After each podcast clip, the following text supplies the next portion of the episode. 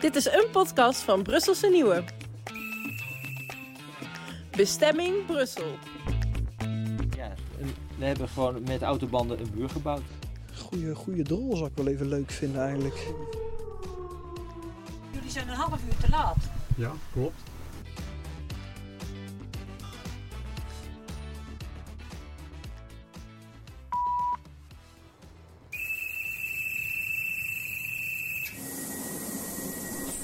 In bestemming Brussel reizen we van Noord naar Zuid-Nederland richting de Europese hoofdstad. Elke provincie in Nederland heeft zo zijn verlanglijstje voor Brussel. Onderweg gaan we ontdekken wat elke regio voor elkaar hoopt te krijgen in de Europese Unie. Mijn naam is Barthias Mijn Kant en in deze aflevering reizen we naar het noorden en leren we over twee speerpunten van de provincies. Namelijk circulaire economie en waterstof. Vandaag starten we in Olst hier haal ik Brit van der Wind op, die samen met Manouk Smulders de hele dag in de stromende regen bezig is geweest met circulaire economie. Wist jij namelijk dat Noord-Nederland de circulaire regio is van Europa? Ons volgende station Olst, station Olst.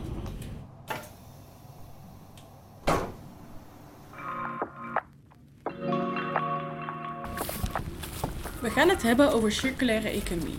Dat is best een moeilijk begrip, maar circulaire economie is een systeem waar je al je grondstoffen en afvalstoffen hergebruikt. Daarom zijn we in Olst. Hier is een ecodorp waar bewoners circulair leven. We spreken met bewoner Maarten van Dongen. Het ecodorp is gebouwd door de bewoners zelf van afval en hergebruikte bouwmaterialen. Volgens mij hebben we een, nogal een noodzaak als mensheid, zeg maar. Hè? Want zoals we nu leven, uh, jassen we alle grondstoffen die we hebben op aarde er in een hele korte tijd doorheen. Uh, als, je, als iedereen in de wereld als Nederlander leeft, hebben we op dit moment drie aarders nodig. Nou, die schijnen we niet te hebben, drie aarders. Ik denk een van de dingen die leuk is om te laten zien, is dat je ziet, als je links en rechts kijkt, zie je verschillende achterkanten van de huizen. Dus de linkerhuizen die hebben een aardewal er tegenaan. Dat zijn de huizen die met autobanden gebouwd zijn. En dan heb je aan de rechterkant heb je de, heb je de huizen zonder aardewal. Dat zijn de huizen die met, in de achtermuur met strobalen gebouwd zijn. Dus we hebben met een grote tekker hebben we allemaal kippengaas in die oksels van die autobanden geniet. En dan vervolgens met een rubber handschoen daar allemaal cement in gesmeten. En dit schuurtje, kijk, dan zie je een beetje hoe een autobandenwand eruit ziet. Oh ja. Uh, en dan zie je dus dat ze gewoon, uh, feite, ja, we hebben gewoon met autobanden een muur gebouwd. En die zijn allemaal gevuld met grond. Dan gaat ongeveer 2,5, 3 kruiwagens in één autoband. En uh, dan heb je in feite massa om mee te bouwen. In het dorp hangt een hele rustige en serene sfeer. Je ziet bijna niemand rondlopen. Het is super kalm en heel groen. Eigenlijk iedereen heeft wel een mooie tuin met dingen die hij kan eten. Wat je hier ziet is uh, een soort gemeenschappelijke moestuin. Uh, oorspronkelijk was het idee dat we eigenlijk de hele groenstrook als, als meer als permacultuur moestuin zouden gaan inrichten. Er was alleen na de bouw weinig energie voor. En je ziet dat er nu één of twee buren hebben gezegd, nou we pakken het toch op. En, uh, maar dit is dan, deze tuin wordt, deze moestuin wordt beheerd en geoogst door mensen uit heel Olst. Wat je wel ziet in de wijk is dat je heel veel fruit en uh, fruitbomen en struiken ziet. Heel veel bessenstruiken, heel veel appels, peren, dat soort dingen allemaal. Dus we hebben de hele, onze hele wijk ingericht met eetbaar groen. En dat is vooral, hè, er wonen ongeveer uh, uh, iets tussen de 35 en 40 kinderen in de wijk. En dat is vooral het, de jonge kinderen in het seizoen dat de bessen rijp zijn. Dan zie je van die zwermpjes kinderen zo door de wijk bewegen en die eten al die bessen. En voor de rest blijft er nog zoveel over dat we, wij in ieder geval voor de hele, uh, het hele jaar rond jam hebben. Nou, je ziet hier dus uh, heel veel soorten groenten staan. Heel bijzonder in dit jaar tijden bijvoorbeeld de boerenkool. dit zijn aardperen. Die zie je tegenwoordig in heel veel tuinen staan, want die hebben hele mooie gele bloemen. En wat de mensen die die gele bloemen allemaal hebben niet weten dat aardperen dus ook eetbaar zijn. In ieder geval voor mensen die ze lekker vinden. Ook dat weer. Ja. Ik geen idee, want ik vind ze niet lekker. Een uniek moment. Jullie zien een van de buurmannen nu zijn toilet legen op de composthoop. hoe het met de composttoilet gaat, en dat is net zoals die overal ter wereld gaat, is dat je volgens de, de, de toiletpot uh, of de emmer, wc-emmer leegt op de composthoop. Uh, wij hebben een heel systeem ontwikkeld om te voorkomen van je wil niet dat het een stinkboel wordt. Uh, en je moet, wil je compost wel weer kunnen toepassen vanuit het toilet, moet het toch wel min, minstens een jaar rijpen, heet dat dan. Dit is gewoon wc. Oh, dus het is gewoon... En dan... Mag ik het een beetje scheppen? Ja hoor.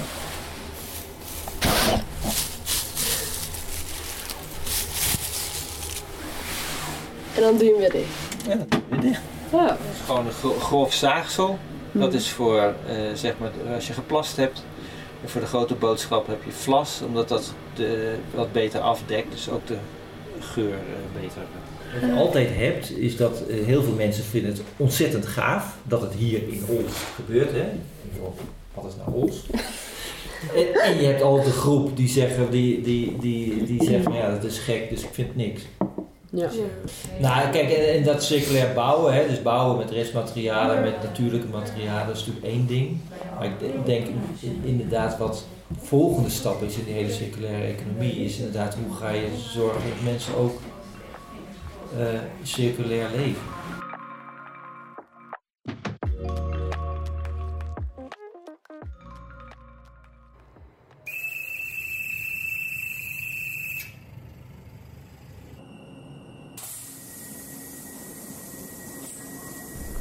Zit nu samen met Brit in de trein en ik heb dus nog wat vragen over circulaire economie. Jij was net in het ecodorp. Wat heeft dat nou eigenlijk te maken met circulaire economie? Nou, een circulaire economie is eigenlijk dat je gerecyclede en hergebruikte materialen gebruikt. En dat je dus zo min mogelijk afval creëert. En in het ecodorp in Olst hebben we eigenlijk, uh, de, de, bewoners hebben uh, huizen gemaakt van hergebruikte materialen. Dus bijvoorbeeld de muren van uh, autobanden en stro. En zo heb je dus eigenlijk het circulaire concept in de praktijk. En waarom vindt Noord-Nederland dan circulaire economie zo'n belangrijk thema voor Brussel? Noord-Nederland is eigenlijk de regio voor circulaire economie. Uh, binnen Europa kijken mensen naar de Benelux uh, voor circulaire economie. Binnen de Benelux kijken mensen naar Nederland. En binnen Nederland kijken mensen naar Friesland. Um, Europa wil Friesland ook echt als voorbeeld gaan gebruiken voor de rest van Europa voor circulaire economie. En uh, Europa heeft uh, de Green Deal, waarbij ze in 2050 Europa volledig circulair willen hebben. En Friesland wil, um, of Noord-Nederland wil graag de wetgeving aanpassen zodat circulair leven en bouwen vermakkelijkt kan worden. we spraken ook met een bewoner van het Ecodorp en hij heette Maarten. En hij vertelde ons ook over het feit dat bepaalde regeltjes um, circulair bouwen beperkt. Waardoor het moeilijker is om circulair te bouwen. En daarom willen ze dus dat vermakkelijken, zodat circulair leven en bouwen ook vermakkelijkt kan worden. En dat moet dus geregeld worden in Brussel. Hoe zit het dan eigenlijk met circulaire economie in de andere Europese landen?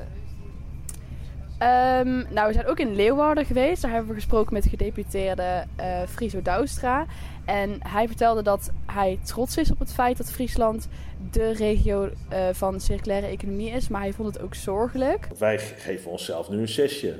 Terwijl als we naar de wereld kijken, zijn wij uh, leading en zijn we de tien. Ja, dat laat wel zien dat de rest van de wereld niet zo goed bezig is.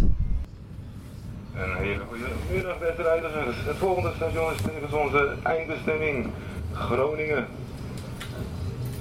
Denk aan uw persoonlijke eigendommen en neem die ook graag mee. Wij wensen nog een hele fijne dag verder.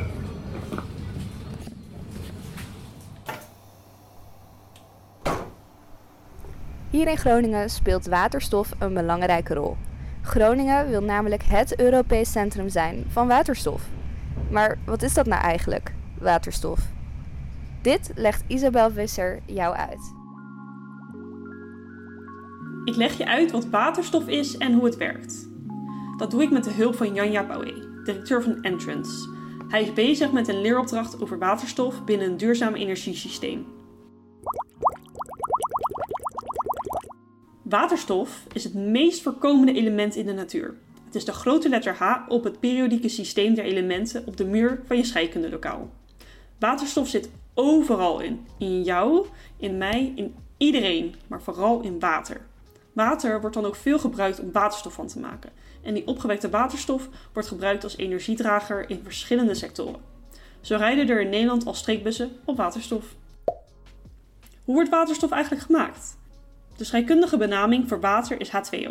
Dat kun je splitsen in H2 en O2 met behulp van elektriciteit. Het proces daarvan heet elektrolyse. Er is grijze en groene waterstof. De grijze is vervuilend en wordt opgewekt met aardgas. En de groene is duurzaam geproduceerd met windmolens en zonnepanelen. Janja Paué liet ons tijdens het bezoek aan Entrance een electrolyzer zien. We staan hier nou bij een electrolyzer. En voor elektrolyse, het proces om water te splitsen in waterstof en zuurstof, heb je natuurlijk water voor nodig. Maar niet gewoon water, ook geen zeewater, uh, maar ultrapuur water. En dat zit in deze tank. Uh, dus nou ja, dat, zie je hier zitten. En het gaat uiteindelijk hier naar de electrolyzer toe. Dit is een kleine electrolyzer. En ja, het is een apparaat dat ziet eruit als een uh, ja, cilinder. Met allemaal plaatjes achter elkaar. Dus eigenlijk is het een, ik zeg een soort stapel van pannenkoeken achter elkaar. En eigenlijk is elk van die pannenkoeken is een kleine electrolyzer op zichzelf. Dus het water gaat uiteindelijk naar die electrolyzer. Daar wordt het gesplitst in waterstof en zuurstof. Uh, er zit nog een nabewerking in. En hier buiten zie je een, een, uh, een tank staan waar we de waterstof in opslaan. Dus een kleine tank. Um, en die waterstof kunnen we weer terugvoeren naar het apparaat wat je hier ziet. Het ziet eruit als een soort hele ouderwetse pc met grote ventilatoren. En dat is een brandstofcel. En een brandstofcel die doet precies het omgekeerde als de electrolyzer. Hier maakt hij van waterstof, zuurstof weer elektriciteit, water en warmte. Het kost energie om waterstof te maken. Die energie komt terug in de vorm van warmte. Als je niets doet en het koelt af, verlies je zo'n 30% aan warmte. Je houdt dan 70% over aan duurzame energieinhoud. Dat klinkt niet heel erg efficiënt, maar andere energiedragers, zoals diesel, zijn een stuk minder efficiënt. Daar hou je zo'n 30 tot 40% over aan energieinhoud. Waarom is waterstof een belangrijk Europees onderwerp? Waterstof kan veel betekenen voor de Europese energietransitie. Groningen wil daar graag een belangrijke rol in spelen.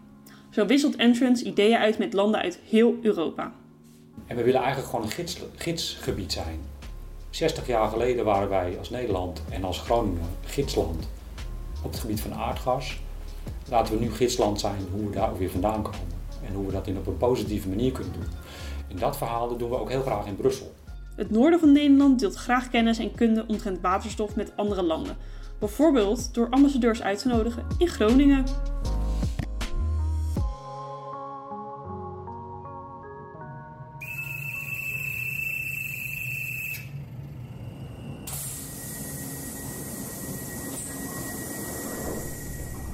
Nou, inmiddels ben ik weer in de trein. Ik ga nu richting het midden van Nederland.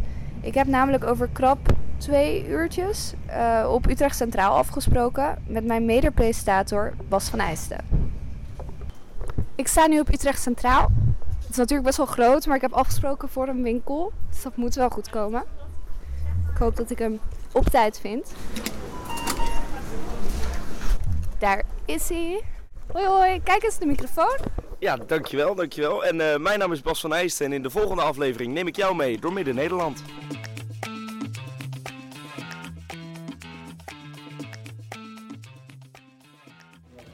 Dit was de eerste aflevering van de podcastserie Bestemming Brussel. In de volgende aflevering hoor je... Ik wil geen gemoer. Ik wil geen pas in mijn glas en geen gouden voer. Ja, maar het is natuurlijk bijzonder dat een wolf er niet overheen springt. Een hond kan natuurlijk best goed springen eigenlijk. Maar die wolf heeft het op een of andere manier nog niet geleerd. Bedankt voor het luisteren.